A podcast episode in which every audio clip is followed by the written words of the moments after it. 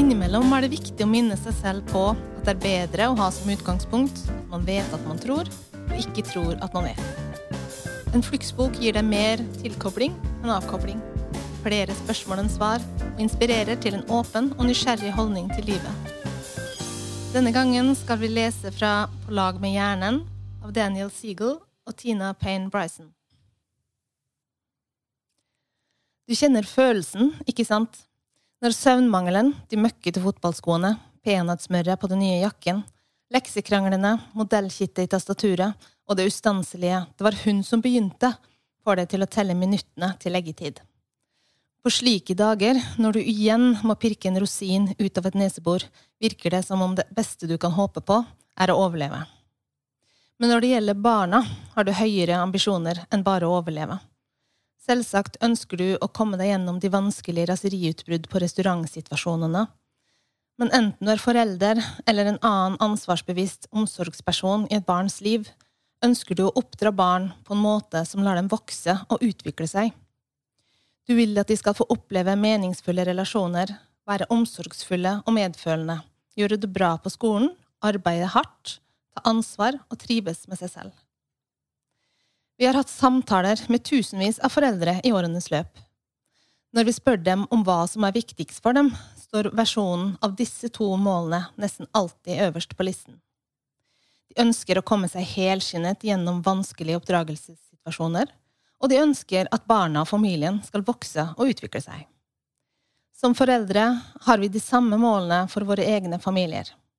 I våre edlere, roligere og mer rasjonelle øyeblikk er vi opptatt av å gi næring til barna sin, oppmuntre dem til å undre seg over tilværelsen og hjelpe dem å utvikle seg så godt de kan på alle livets områder.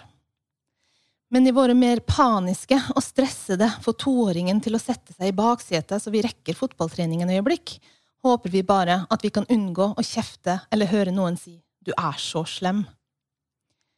Tenk deg om og spør deg selv. Hva er det du virkelig ønsker for barna dine?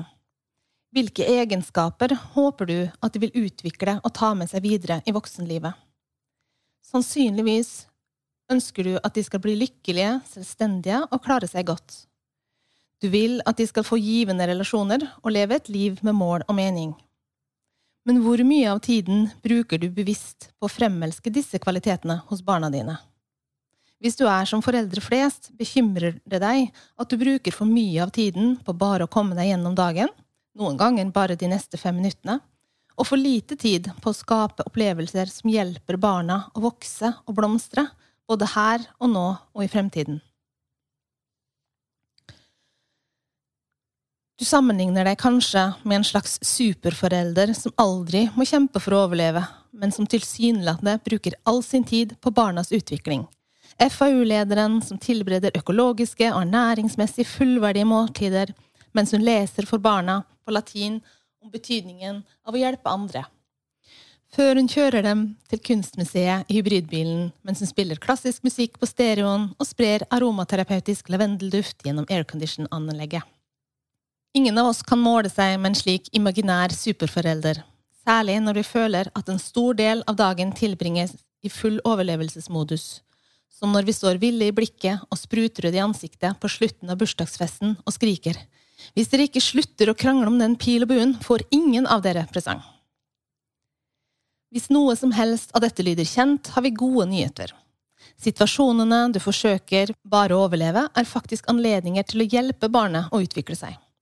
Du føler kanskje at de kjærlige og viktige stundene, som en meningsfull samtale om medfølelse eller selvrespekt, er noe helt annet enn oppdragelsesutfordringene, som å kjempe enda et slag om leksene eller håndtere et nytt raseriutbrudd. Men de er ikke motsetninger i det hele tatt. Når barna er uhøflige og svarer frekt, når du er innkalt til et møte med rektor, eller når du finner tegnestifter og bling over hele veggen, dette er definitivt utfordrende situasjoner, men samtidig byr de på muligheter. De er til og med gylne anledninger, for en overlevelsessituasjon er også en vekstmulighet, der det viktige og meningsfulle oppdragelsesarbeidet kan finne sted. Tenk på en situasjon du ofte bare prøver å komme deg gjennom, eksempel når det bryter ut en krangel mellom ungene for tredje gang på tre minutter. Ikke så vanskelig å se for seg. I stedet for bare å bryte opp krangelen og sende de stridende søsknene til hvert sitt rom, kan du bruke situasjonen som en mulighet til å lære, om oppmerksom lytting og forstå andre menneskers perspektiver, om å formidle egne ønsker tydelig, om respekt for andre, om kompromisser, oppofrelse, forhandlinger og tilgivelse.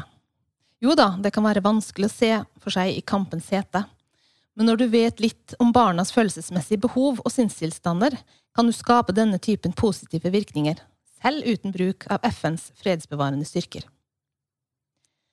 Det er ikke noe galt i å skille barna når de krangler. Det er en god overlevelsesteknikk, og i enkelte situasjoner er det kanskje den beste løsningen. Men ofte kan vi oppnå mer enn bare å sette en stopper for konflikter og støy. Vi kan bruke hendelsen slik at den ikke bare bidrar til barnas mentale utvikling, men også til å styrke deres relasjonsferdigheter og personlige vekst. Med tiden vil søsknene bli dyktigere til å håndtere konflikter uten foreldrenes hjelp. Dette er en av de mange metodene du kan bruke for å hjelpe dem til å vokse og utvikle seg. Det som er så bra med denne overlevelses- og veksttanken, er at du ikke behøver å øremerke tid til å hjelpe barna å utvikle seg du kan se på alle opplevelsene dere har sammen, de stressende og opprørende, i tillegg til de fantastiske og vidunderlige. Som muligheter til å hjelpe dem å utvikle seg til de ansvarlige, omsorgsfulle og dyktige menneskene du ønsker at de skal bli. Det er det denne boken handler om, å hjelpe barna å nå sitt sanne potensial ved hjelp av slike hverdagslige situasjoner. Boken er et motmiddel mot oppdragelsesstrategier som legger vekt på prestasjoner og perfeksjon for enhver pris. I stedet fokuserer vi på hvordan du kan hjelpe barna å være mer seg selv, robuste, sterke og i harmoni med omgivelsene. Hvordan skal du få til det? Vårt svar er enkelt. Du trenger litt grunnleggende kunnskap om den unge hjernen du skal hjelpe å vokse og utvikle seg. Det er det På lag med hjernen handler om. Med en klar forståelse for disse ulike aspektene ved den hjernebaserte tilnærmingen kan du betrakte oppdragelse på en helt ny måte. Som foreldre er vi programmert til å forsøke å beskytte barna våre fra å bli såret eller skadet, men til syvende og sist kan vi ikke det. De kommer til å falle og slå seg. De vil bli såret, og de vil bli redde, triste og sinte. Faktisk er det ofte disse vanskelige opplevelsene som gjør at de utvikler seg og lærer hvordan verden fungerer. I stedet for å beskytte barna mot livets uunngåelige vanskeligheter, kan vi hjelpe dem å integrere disse erfaringene i sin forståelse av verden og lære av dem. Barnas forståelse av sine unge liv er ikke bare avhengig av hva som skjer med dem, men også av hvordan foreldrene, lærerne og andre omsorgspersoner reagerer. De fleste av oss tenker ikke over at hjernen består av flere ulike deler med ulike oppgaver. Du har for eksempel en venstre hjernehalvdel som hjelper deg til å tenke logisk og organisere tankene i setninger, og en høyre hjernehalvdel som hjelper deg å oppleve følelser og tolke ikke-språklige signaler. Du har også en krypdyrhjerne, som lar deg handle instinktivt og fatte øyeblikkelige overlevelsesbeslutninger, og en pattedyrhjerne, som sørger for at vi kan knytte oss til andre og ha relasjoner til andre.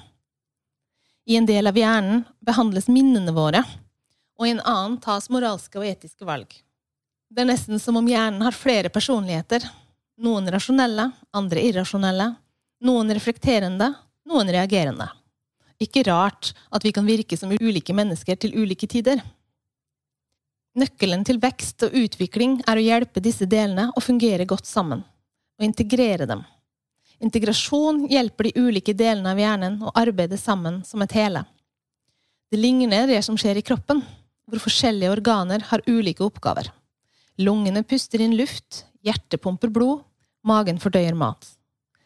For at kroppen skal være sunn, må alle disse organene være integrert. Hver enkelt del må med andre ord gjøre jobben sin, samtidig som de arbeider sammen som et hele. Integrasjon er nettopp det, å knytte forskjellige elementer sammen så de utgjør en velfungerende helhet. Hjernen din kan ikke fungere fullgodt med mindre de forskjellige delene samarbeider på en koordinert og balansert måte, akkurat som en sunn kropp. Det er det integrasjon gjør, koordinerer og balanserer de ulike områdene i hjernen og knytter dem sammen. Det er lett å se det når hjernen til barna våre ikke er godt integrert. De overveldes av følelser, er forvirrede og opprørte. De klarer ikke å reagere rolig og hensiktsmessig på situasjonen de står i.